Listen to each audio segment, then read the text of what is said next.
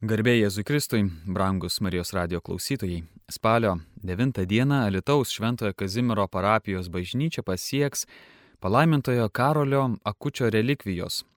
Šią progą kalbame su Šventojo Kazimiero parapijos klebonu kunigu Ryčiu Baltrušaičiu. Įkalbinsiu aš, Marijos radio operatorius Vykintas. Taigi, kunigė, kodėl nuspręsta relikvijas atsivežti? Tiesiog Karolio asmuo patraukė ir labai asmeniškai, nes Karolis gimė netikinčių tėvų šeimoje, tai buvo man labai artima. Karolis vaikystėje iki pat mirties ir paauglystėje buvo pamaldus, tai man taip pat buvo asmeniškai labai artima. Ir tekę buvo apie Karolį girdėti jau ir ankstėliau ir popiežiaus Pranciškaus dokumente Christus Vyvit, skirtame jaunimui, jau buvo cituojamas Karolis ir jo asmo iškeliamas. Tuo metu jis buvo garbingasis Dievo tarnas, kaip popiežius apie jį kalbėjo jaunimui.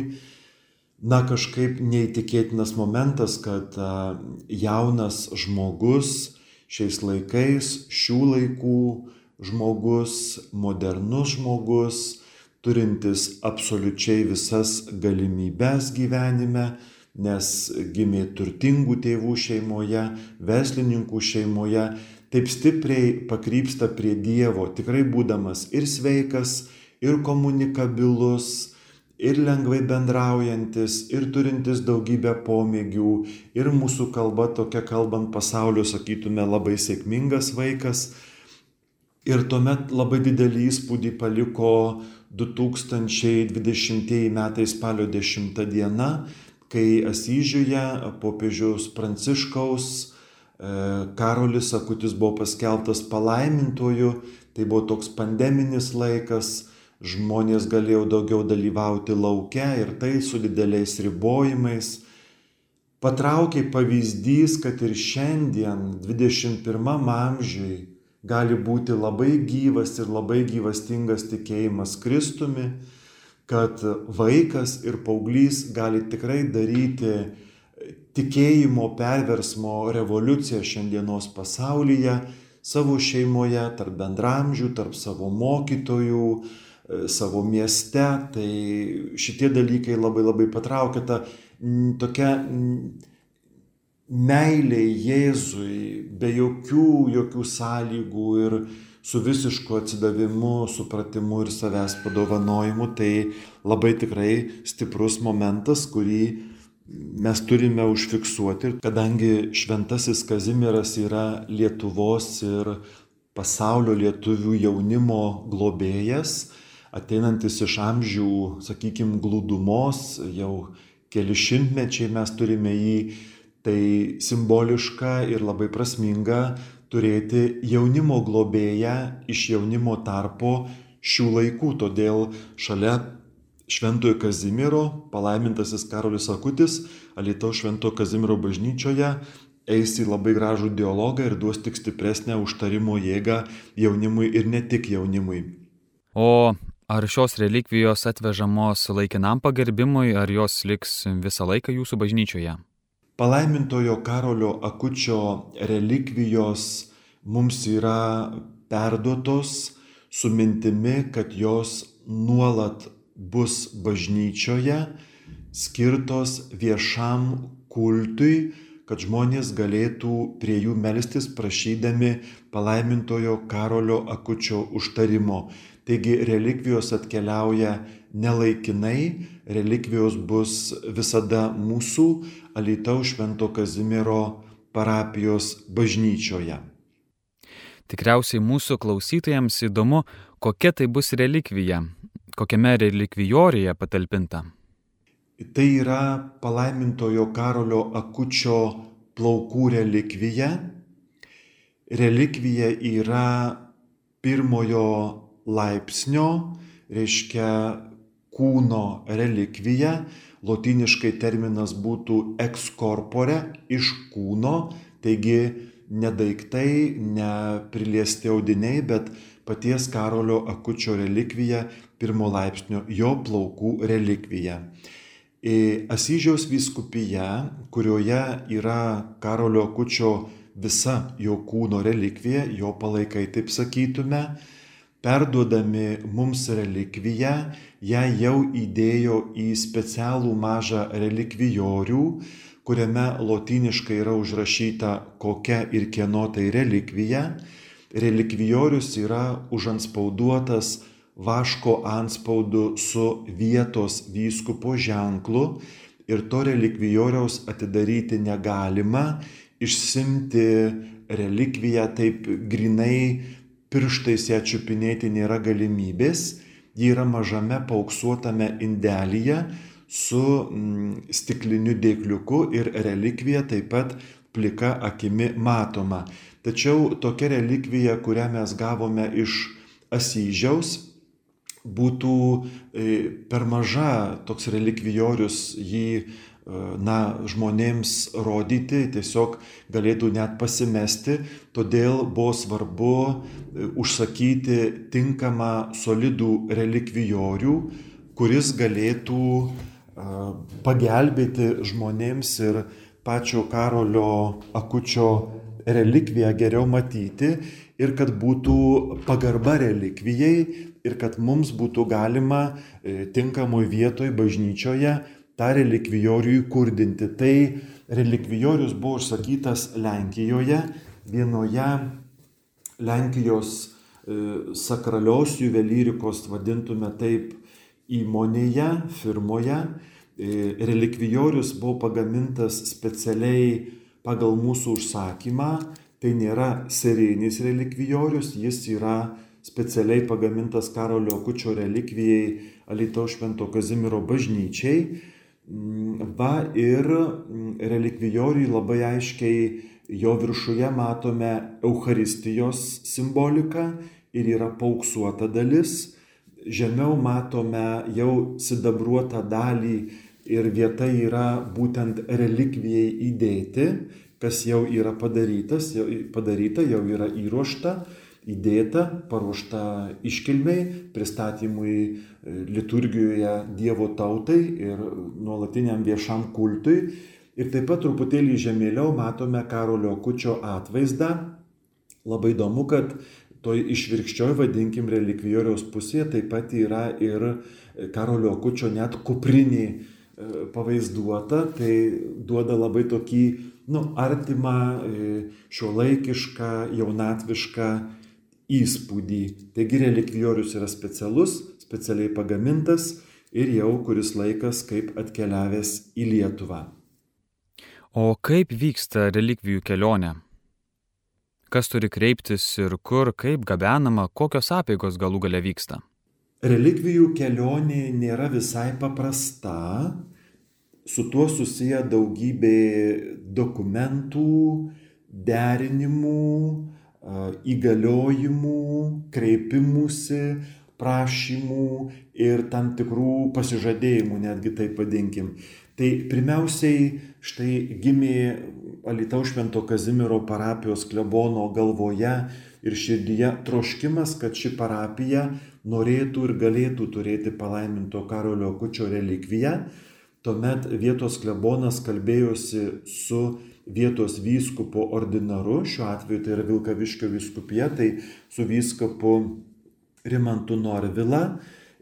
Tuomet e, klebonas rašo raštą šiuo atveju Asyžiaus vyskupui, išdėstydamas motyvą, kodėl parapijai reiktų, kokia tai būtų pastoracinė nauda, pastoracinis reikalingumas.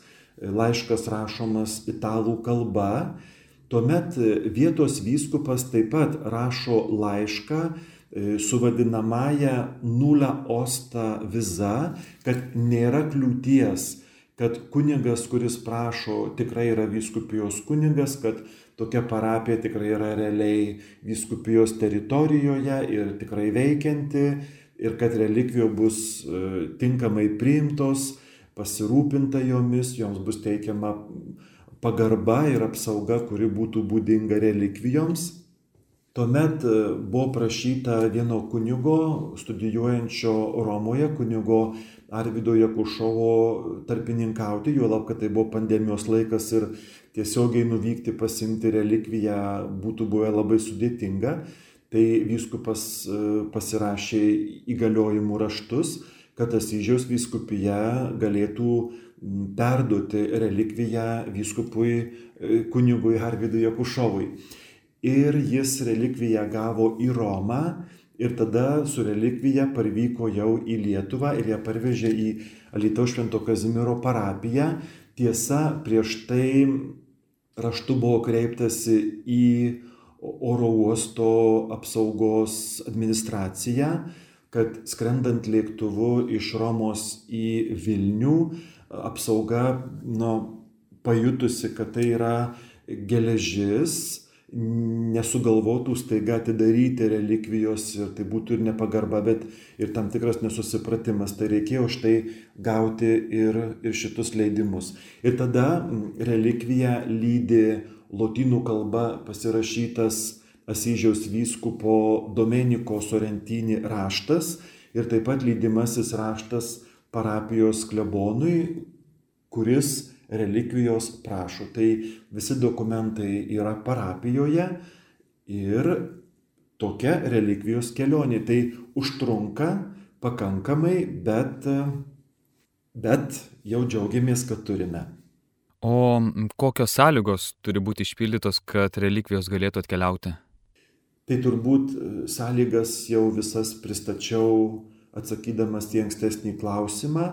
Tai pirmiausia yra dokumentiniai dalykai, bet žinoma, taip pat ir vietos vyskupas Rimantas Norvila e, labai natūraliai domisi motyvų, kodėl to reikėtų, kodėl klebonas sugalvojo, kad, kad tai nebūtų toks e, e, laikinas, vienkartinis kažkoks emocinis užsidėgymas, toksai impulsas, bet kad relikvijos toliau turėtų būti viešame kulte prieinamos tikintiesiems, tai ir, ir tinkamai įruošta vieta, ir, ir, ir apsauga relikvijų, ir, ir, ir kad prieiga žmonių, ir, ir tam tikra, sakykime, edukacija, ir, ir kokia to būtų prasme, kad, kad tas kultas tikrai gyvuotų, kad nebūtų taip, jog gaunam relikviją, pasistatom bažnyčioj, gyvenimas teka savo vaga ir mes visiškai neturim jokio, jokio ryšio ir jokio konteksto su jomis. Tai ne,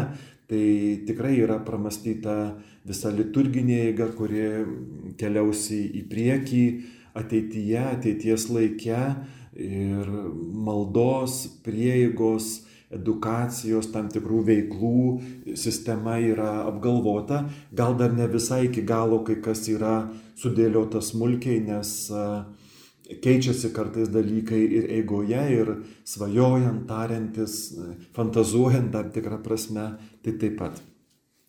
Dėkojame, mielas jūsų atsakymus apie relikvijas. Dabar pakalbėkime apie patį palaimintąjį, kurio relikvijos į Lietuvą ir atkeliauja.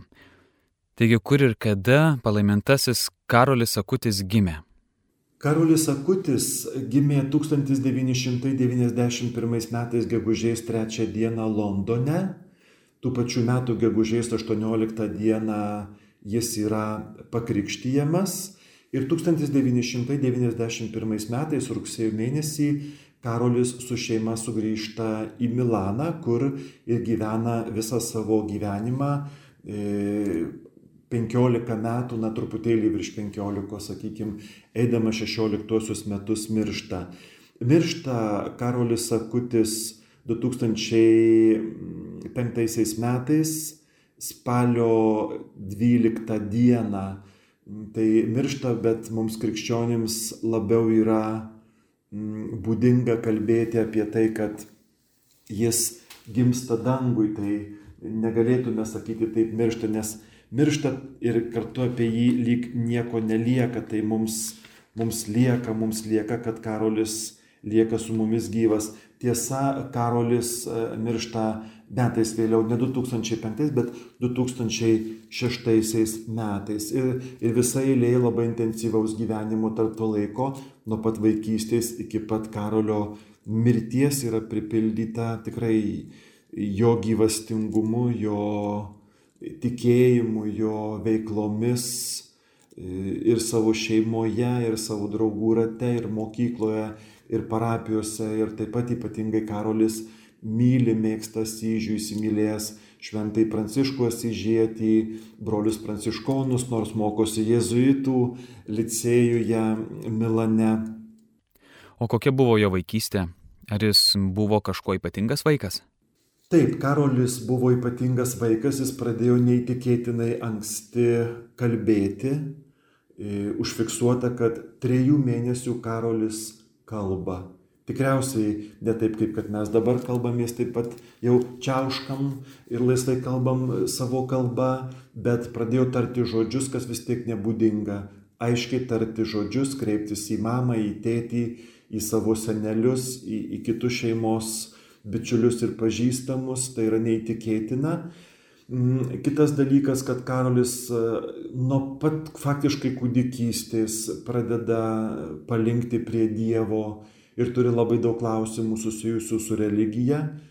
Paminėtina, kad jis gimė netikinčių dievų tėvų šeimoje, bet jame Dievo alkis yra labai gyvas ir su močiute jisai eina į bažnyčią, mamai užduoda daugybę klausimų, tai taip pat mūsų laikams ne visai būdinga, nors yra tas kodėlčiuko amžius, pas kiekvieną vaiką, bet kad išimtinai būtų klausimai susiję su Dievu, su tikėjimu, su religija, su Euharistija, su bažnyčia, popiežimis, sakramentais, Dievo malonėmis ir maldos gyvenimu, tai yra retenybė ir, ir dėl to Karolis ir patraukia kartu ir mūsų dėmesį.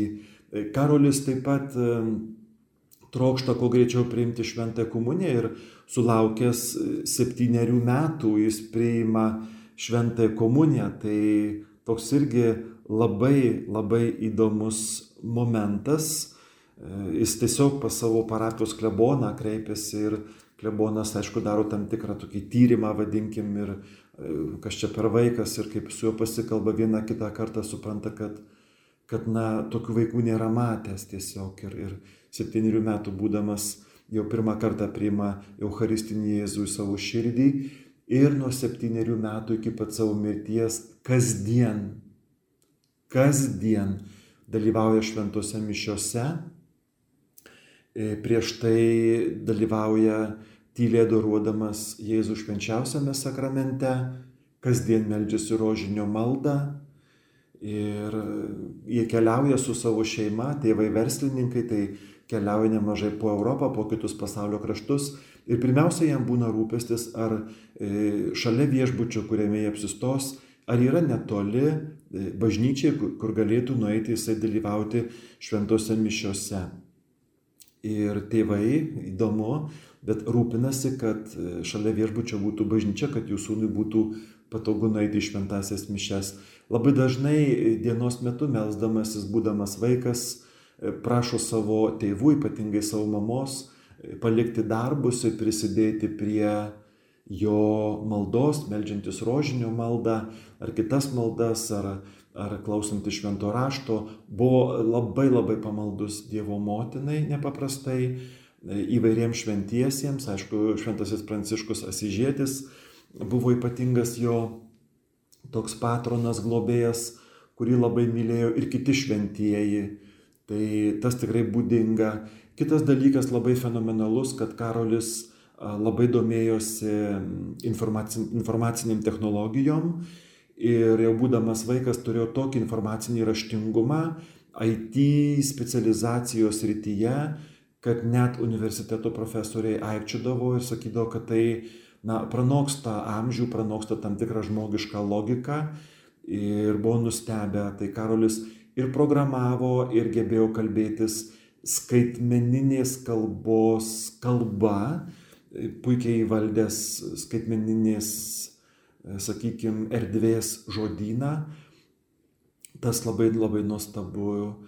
Buvo sportininkas, mėgo futbolą, buvo tikrai savo draugų kompanijose tokia siela, lengvai bendravo, labai pastebėdavo vaikus, kurie tokie šiek tiek užguiti galbūt, ar patirdavo patyčias ir, ir vargšai, benamiai, gatvėje žmonės buvo jo draugai ir kai liūdė tėvai, jo laidotuvių dieną susirinko į bažnyčią, sausakimša bažnyčia buvo žmonių, ne visi tilpo į vidų ir didžiosios dalies tėvai nepažinojo, suėjo laiptinių būdėtojai, suėjo vargšai, kurie rinkdavo aukas, suėjo Milano benamiai.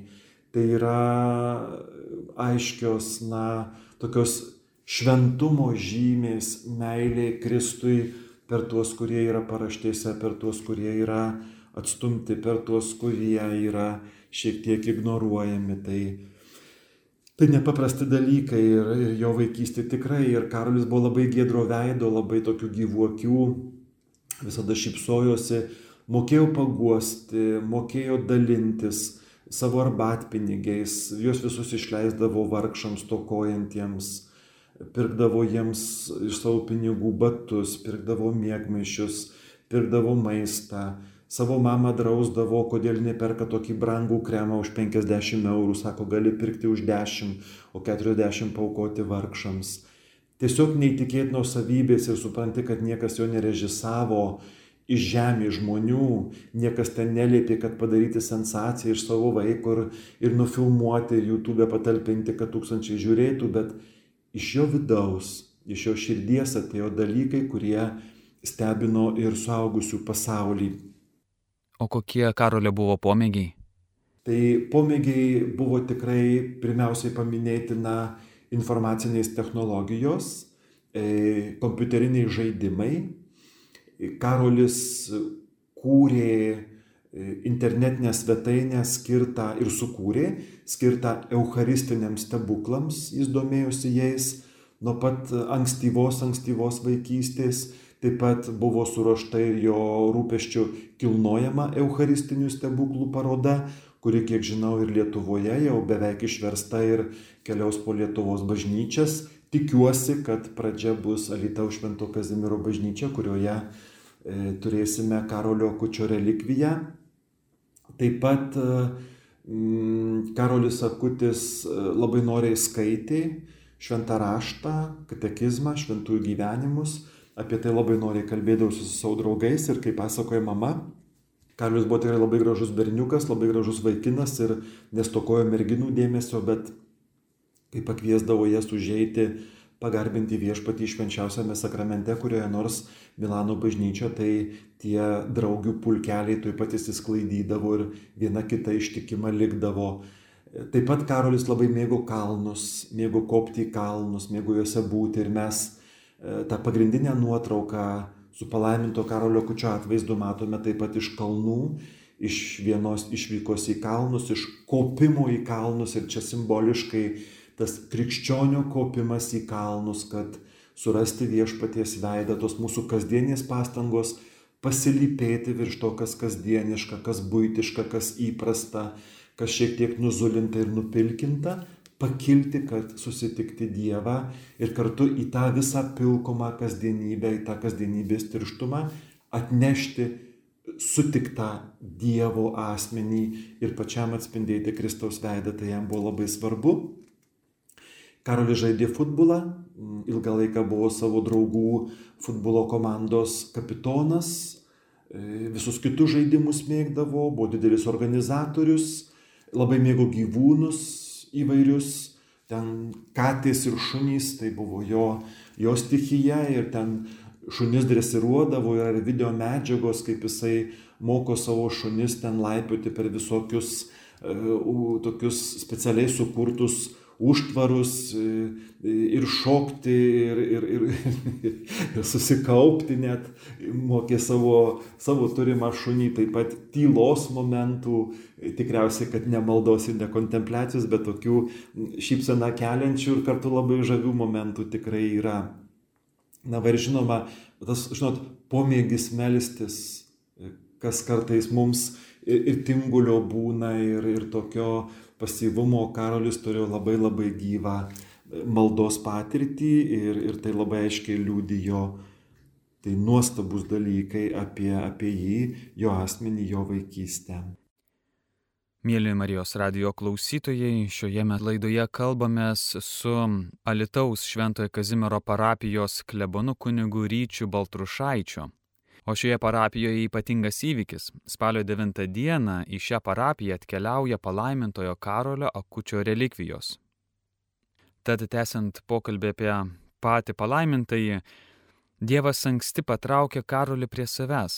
Koks buvo jo santykis su bažnyčia bei kitais tikinčiaisiais? Iš ties Karolis nuo pat ankstyvos vaikystės, norėtųsi sakyti, kad net nuo kūdikystės, buvo prie viešpaties patrauktas, Kristus jį patraukė prie savęs.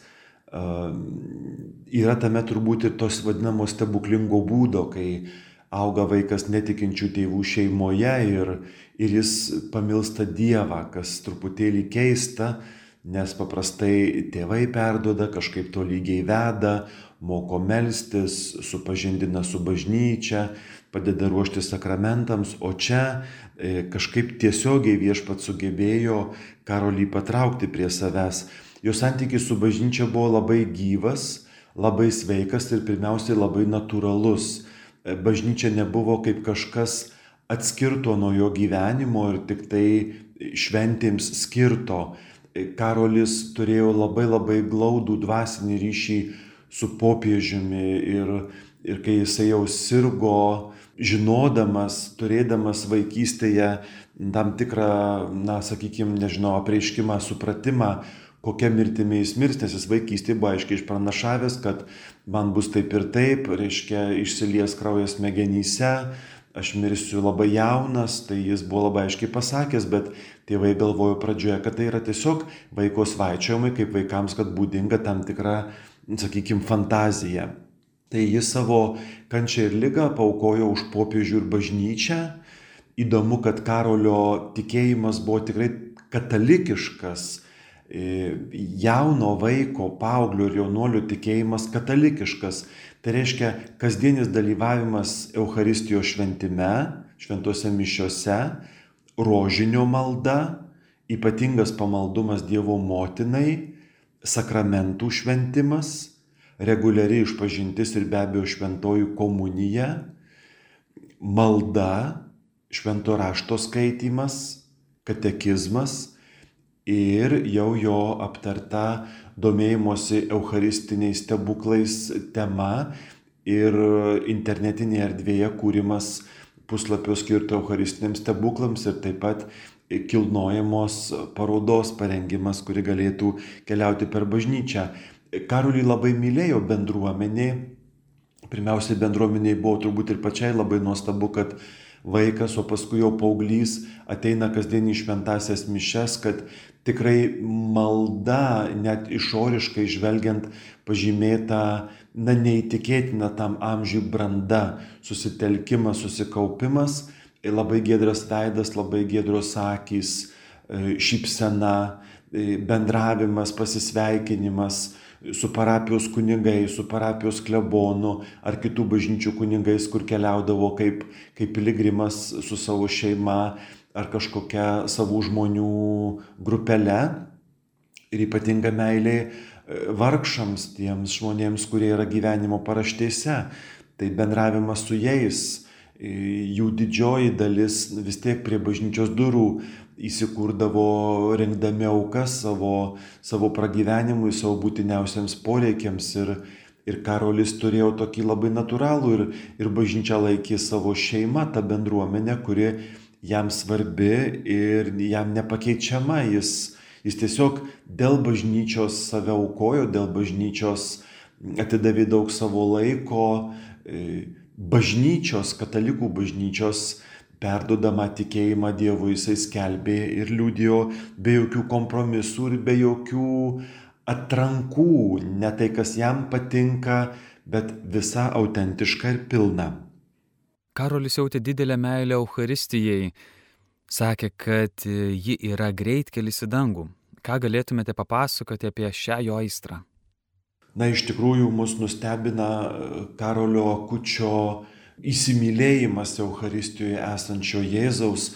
ir jau būdamas septyniarių metų jis pasiprašė, kad galėtų priimti pirmąją šventą komuniją. Tai yra na, labai fenomenalus atvejis, kad aš, aš, aš jau dabar noriu.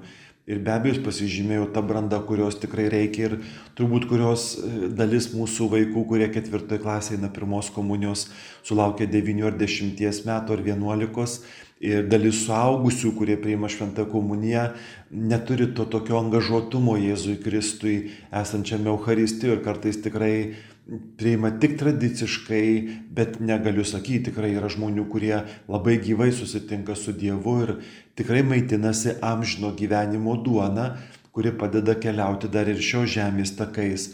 Tai pirmasis dalykas, vad karolio troškimas ankstyvoje vaikystėje priimti viešpati Jėzų šventoje komunijoje, kasdienis dalyvavimas šventose mišiose, kas tikrai nu, nuneša stogą supratus, kad vaikas ir paauglys, ypatingai e, informacinės technologijas mėgstantis, toksai tiušnikas, nu tai jis tikrai turėjo ką veikti ir, ir buvo labai toks gyvybingas, bet kasdien dalyvavo šventose mišiose, prieš jas pusvalandį maždaug adoruodavo Jėzų esantį švenčiausiame sakramente, ar tai būdavo mm, liturginė adoracija, ar tai būdavo tiesiog žvilgsnis į tabernakulį šitas momentas ir, ir taip pat tas domėjimasis Eucharistiniais stebuklais ir, ir jo troškimas pasakyti, kad Jėzus Kristus yra gyvas duonos ir Eucharistijos pavydaluose, šventosiuose mišiuose, tai turbūt čia būtų pagrindiniai dėmenys. O kodėl, dėl kokių nuopelnų ar stebuklų Karolis Akutis buvo paskelbtas palaimintoju? Reikėtų paminėti, kad dar net nepradėjus Karolio Akučio betifikacijos proceso prie jo palaikų jau melsdavosi žmonės prašydami jo užtarimo. Faktiškai iš karto po jo mirties, po jo gimimo dangui, žmonės pradėjo prašyti jo užtarimo. Kažkas labai panašaus, kai buvo laidojamas jo dabar šventasis popiežius Jonas Paulius II ir žmonės plodami šaukė santo subito šventasis greitai tiesiog prašė bažnyčią kuo greičiau duoti jį kaip šventąjį, kaip pavyzdį, kuriuo galėtų sekti ir kurio užtarimo galėtų prašyti.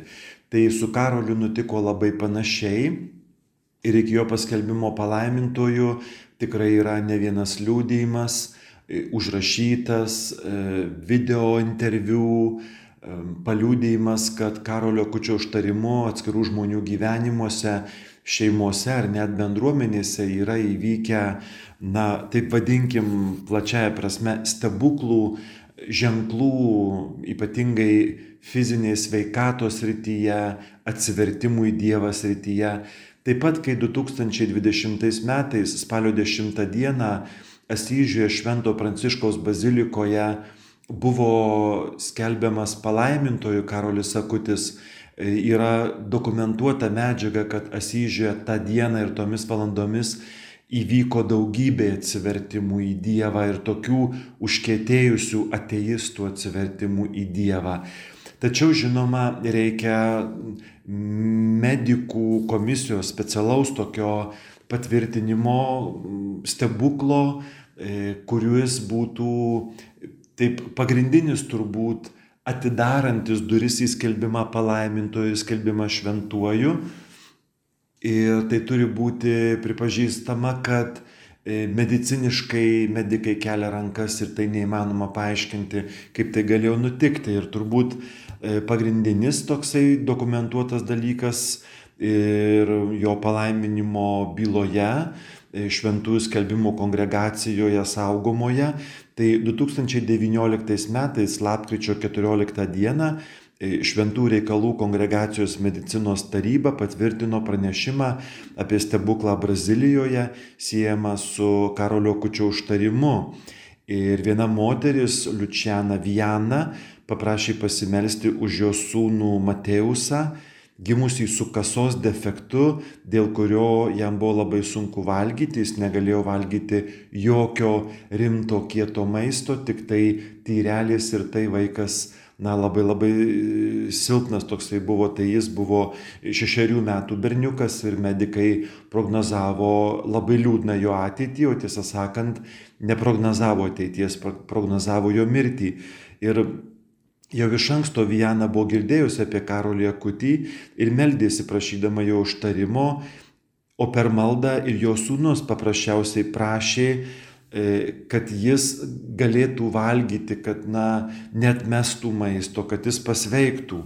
Ir buvo specialios šventosios mišios, kuriuose meldėsi bendruomeniai, parapijos klebonui vadovaujant, e, prašant Mateusui e, sveikatos ir kad jis galėtų pasveikti.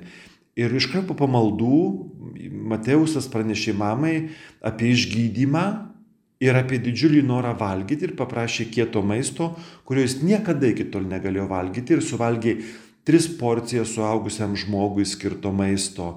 Mama negalėjo patikėti. Ir po rimto tyrimo popiežius Pranciškus 2020 metais vasario 21 dieną dekretu patvirtino stebuklo autentiškumą ir suteikė galimybę Karoliui Akutį skelbti palaimintojų. Tai būtų pagrindinis toksai dalykas. Dėkojame kunigė už jūsų atsakymus. Laida jau eina į pabaigą. Dar keletas klausimų. Ir labai yra retas įvykis, kai palaimintojo tėvai dar gyvi kaip jie išgyveno sunaus mirtį ir kaip dabar priima jo paskelbimą palaimintuoju, bei su tuo susijusi viešumą, nuolatinį dėmesį. Taip, labai reta, kad tėvai būtų gyvi, bet yra gyvi ir tėtis ir mama. Ir taip pat po karolio mirties jiems gimė sūnus ir dukra, dviniai, kuriems dabar yra taip apie 10-12 metų.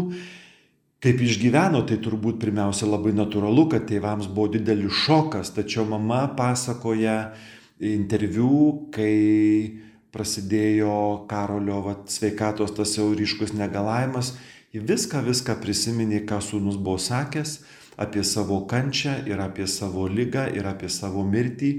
Ir jinai suprato, kad tai buvo tikra pranašystė, kad tai nebuvo vaiko paistalai, taip pat e, tėvai labai labai stipriai glaudėsi prie Jėzaus, nes e, tėvai jau buvo įtikėję Dievu, pradėjo eiti tikėjimo keliu, mama jau buvo tapusi katechete, pradėjusi kitiems Evangeliją skelbti ir katalikiško tikėjimo žinias perduoti visuose ir tekstuose, ir pokalbiuose, ir susitikimuose. Santūresnis išlieka tėtis, sunku pasakyti, gal tai yra matriarchalinės itališkos kultūros visgi taip pat e, apraiško ženklai, kad mama daug kur groja pirmų smūjų ir kalbėdama sako mano sūnus. E, retai vartoja įvardį mūsų sūnus, tai mano ir mano vyro sūnus. Bet žinoma, jie išgyveno ir mes Alitaus Švento Kazimiero parapiją, gavę visus leidimus iš leidyklos Italijoje, paruošėme knygą išvertėme, solidi knyga, 300 puslapių. Ir pirmasis skyrius kaip tik ir pasakojama apie Karolio e, mirtį ir laidotuvės, kaip, jis, kaip jo karstas išnešamas iš jų namų Milane, ką tą akimirką išgyvena mama tarp daugybės verkiančių žmonių, ypatingai tarp labai susijaudinusių ir verkiančių bendramžių, tiek vaikinų, tiek merginų. Ir tas įdomus mamos toks ypatingas Jėzaus artumo jutimas, kai mato savo penkiolikmečio vienturčio sūnaus palaikų išnešimą iš namų, nelaikinai, bet amžinai. Karolis išeina fiziškai, sakykim, taip amžinai, bet mama jau kalba apie tą dvasinę plotmę ir apie bendravimą su juo, bendravimą su Jėzumi per šventųjų, bendravimą per šventųjų užtarimą. Ir žinoma, viešumas tikrai atsiranda didelis, kai kurie tėvai ir mūsų parapijų sako, negalėčiau, jeigu mano sūnų taip nu, eksponuotų, vadinkim, nes Karolis gulis stiklinėme sarkofage ir, ir yra matomas, galima prie jo prieiti, melstis, matom jo fizinį kūną, negendantį, aprengtą sportiniais marškinėliais, džinsais, naiko kedais, su rožiniu rankose, toks mėgantis jaunuolis, tikrai matom mėgantį jaunuolį, tai įsivaizduokim, na vis tiek tas e, žmogiškas jautrumas tai gyvas ir, ir, ir ką turėjo išgyventi tėvai, bet, bet tikrai matom spindinti tėvų veidą ir, ir jų tokias drėgnas, bet labai viltingas akis.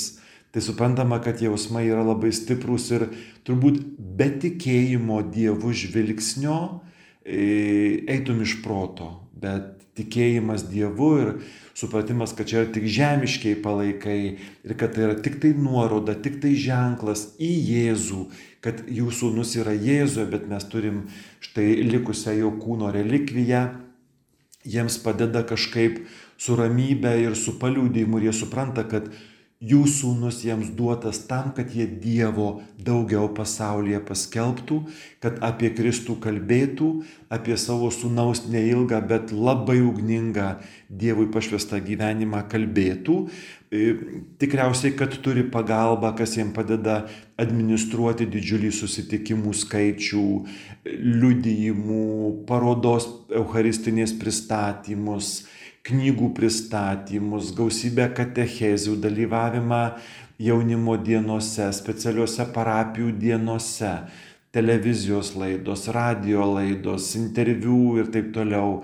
Įsivaizduokim, kokie srautai laiškų įvairių formatų plaukia, skambučių kiek gauna, ten nežinau, SMS pranešimų.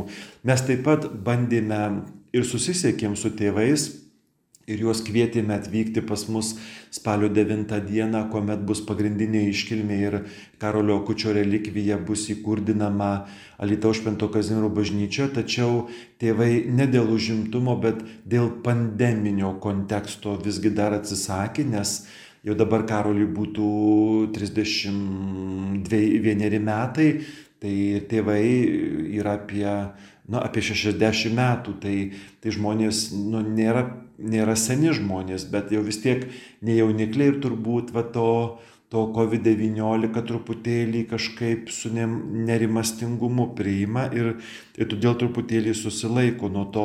Bet šiaip, kiek tenka stebėti socialinius tinkluose, tai mama su tėčiu nevengia dalyvauti, nevengia viešumo, dalyvauja, bendrauja, kalbasi su žurnalistais, su pavieniais žmonėmis maldos intencijas neša savo sūnui, prašydami jį užtarti žmonės pas Jėzų, pas Dievą, Marijos taip pat užtarimo. Tai jie yra gyvastingi, jie yra gyvoje bažnyčioje ir dėl bažnyčios gyvastingumo. Jūsų parapijos tinklalapyje pateiktas visas sąrašas žmonių grupių, kurie ypač galės melstį palaimintojo užtarimo. Ar galėtumėte juos išvardinti ir pakomentuoti? Taip, yra tam tikros žmonių grupės įvardintos ir išvardintos ir tai yra mūsų tokios maldos ir įsigilinimo į Karolio biografijo gyvenimo mm, momentus e, vaisius. Tai nėra vertimas iš italų ar kitos užsienio kalbos. E, tai gimsta iš, iš tos patirties šito jauno šventojo, jauno palaimintojo. Tai grupės įvardintos būtų tokios. E, prie palaiminto Karolio Kučio relikvijų užtarimo galėsime prašyti visi, o ypač vaikai, paaugliai ir jaunuoliai, vargšai, benamiai bei priklausomybių varginami. Tėvai galės dėkoti už savo vaikus, už brangiausią jiems Dievo duotą dovaną, už gyvybės dovaną. Tėvai galės prašyti palaiminto karolio akučio užtarimo savo sergantiems vaikams, nes vaikų daug sergančių. Nevaisingos poros gali prašyti gyvybės prasidėjimo stebuklo. Suaugusių vaikų tėvai gali prašyti tikėjimo dievų malonė savo vaikams, vaikaičiams, provaikaičiams. Palaiminto karolio ypatingo užtarimo gali melstį onkologiniai ligoniai ypač sergantys leukemija, nuo kurios ir pats Karolis mirė. Piligrimai gali pavesti jo užtarimui kelionę. Vaikai gali dėkoti Dievui per Karolį Akutį už savo šeimas. Vaikai gali melstį už nuo priklausomybių kenčiančius savo tėvus ar kitus artimus žmonės. Informacinių technologijų specialistai gali prašyti jo užtarimo, nes palaimintasis Karolis Akutis buvo skaitmeninio pasaulio žinovas, interneto paštalas. Būdamas vaikas savo išmonę stebino ir stulbino IT pasaulio profesionalus. Sportininkai gali prašyti jėgų ir ištvermės, nes palaimintasis Karolis puikiai žaidė futbolą, entuziastingai kopė į kalnus Visi galime melstį, kad išliktume originalūs, nes palaimintasis Karolis sakė, visi gimstame kaip originalai, o mirštame kaip kopijos. Visi galime melstį, kad gyvai susitiktume su Kristumi Euharistijoje, nes į palaimintam Karoliui buvo greitkelis į dangų. Galime melstį jo užtarimu visų mums reikalingų malonių. Ir taip pat Karolis labai mylėjo gyvūnus, tai įvairios e, su gyvūnų globa, gyvūnų saugojimu, gyvūnų sveikatinimu susiję organizacijos, ar ten būtų gyvūnų prieglaudos ar, ar, ar kitokios vietos, gali prašyti palaimintojo Karolio Akučio užtarimo. Jau laida visai besibaigianti ir paskutinis klausimas, kurio norėčiau jūsų paklausti, tai Ką palaimintasis kalba mums šiandien? Ko galime iš šio palaimintojo pasimokyti? Palaimintasis Karolis Sakutis mums kalba, kad mes 21 amžiaus žmonės nesuklystume technologijas ir įvairias mūsų patogumui sukurtas arba susikurtas priemonės, imdami laikyti dalykais, kurie gali įspręsti visas problemas, kurie mums gali dovanoti patį giliausią džiaugsmą, kurie mums gali atstoti santykius su vienas kitu. Turime nesuklysti, manydami, kad visi žmogaus sukurti dalykai gali patį Dievą atstoti ir galim galvoti, kad mums Dievo nereikia, mes galim spręsti gyvenimo klausimus patys naudodamiesi medicinos pažanga, technologijomis, atradimais, žmogiškaisiais. Tai Karolis moko, kad visi šie dalykai gali pasitarnauti žmogui ir turi pasitarnauti žmogui, bet visa tai turi vesti prie šaknų, pirmiausiai prie kūrėjo Dievo ir prie atpirkėjo Jėzaus, kuris yra labai arti, kuris yra Euharistijoje, kuris pasiliko švenčiausiam sakramente ir yra gyvas. Mūsų sunerimus į pasaulį, e, varginama nesutarimų, varginama karų, susipriešinimų, noro konkuruoti, noro užgrobti. Karolis moko dalintis, moko sušelbti, moko atjausti moko neįmesti pinigą į vargšo padėtą kepurę ar kokią nors skardinę suvalgius pupeles, bet moko užkalbinti žmogų, pasižiūrėti jam į akis. Karolis moko mus nevaidinti, kad neturime laiko maldai ir skirti laiko maldai, skirti laiko kasdien, bent kelias minutės pasinerti į šventą įraštą. Ir visur matoma nuotraukose Karolio šypsena ir labai giedras žvilgsnis mus moko džiaugsmo. O džiaugsmas dažnai kyla iš gebėjimo dėkoti Dievui ir žmonėms. Ir iš gebėjimo viltingai atmerkti akis ateičiai, kurią Dievas dovanoja. Tad palaimintasis Karolė Kuti melski už mus.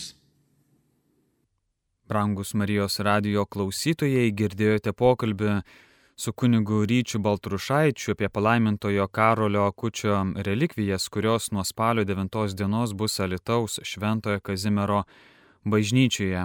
Dėkojame kunigė, kad sutikote atsakyti klausimus ir jau atsisveikiname. Sudie.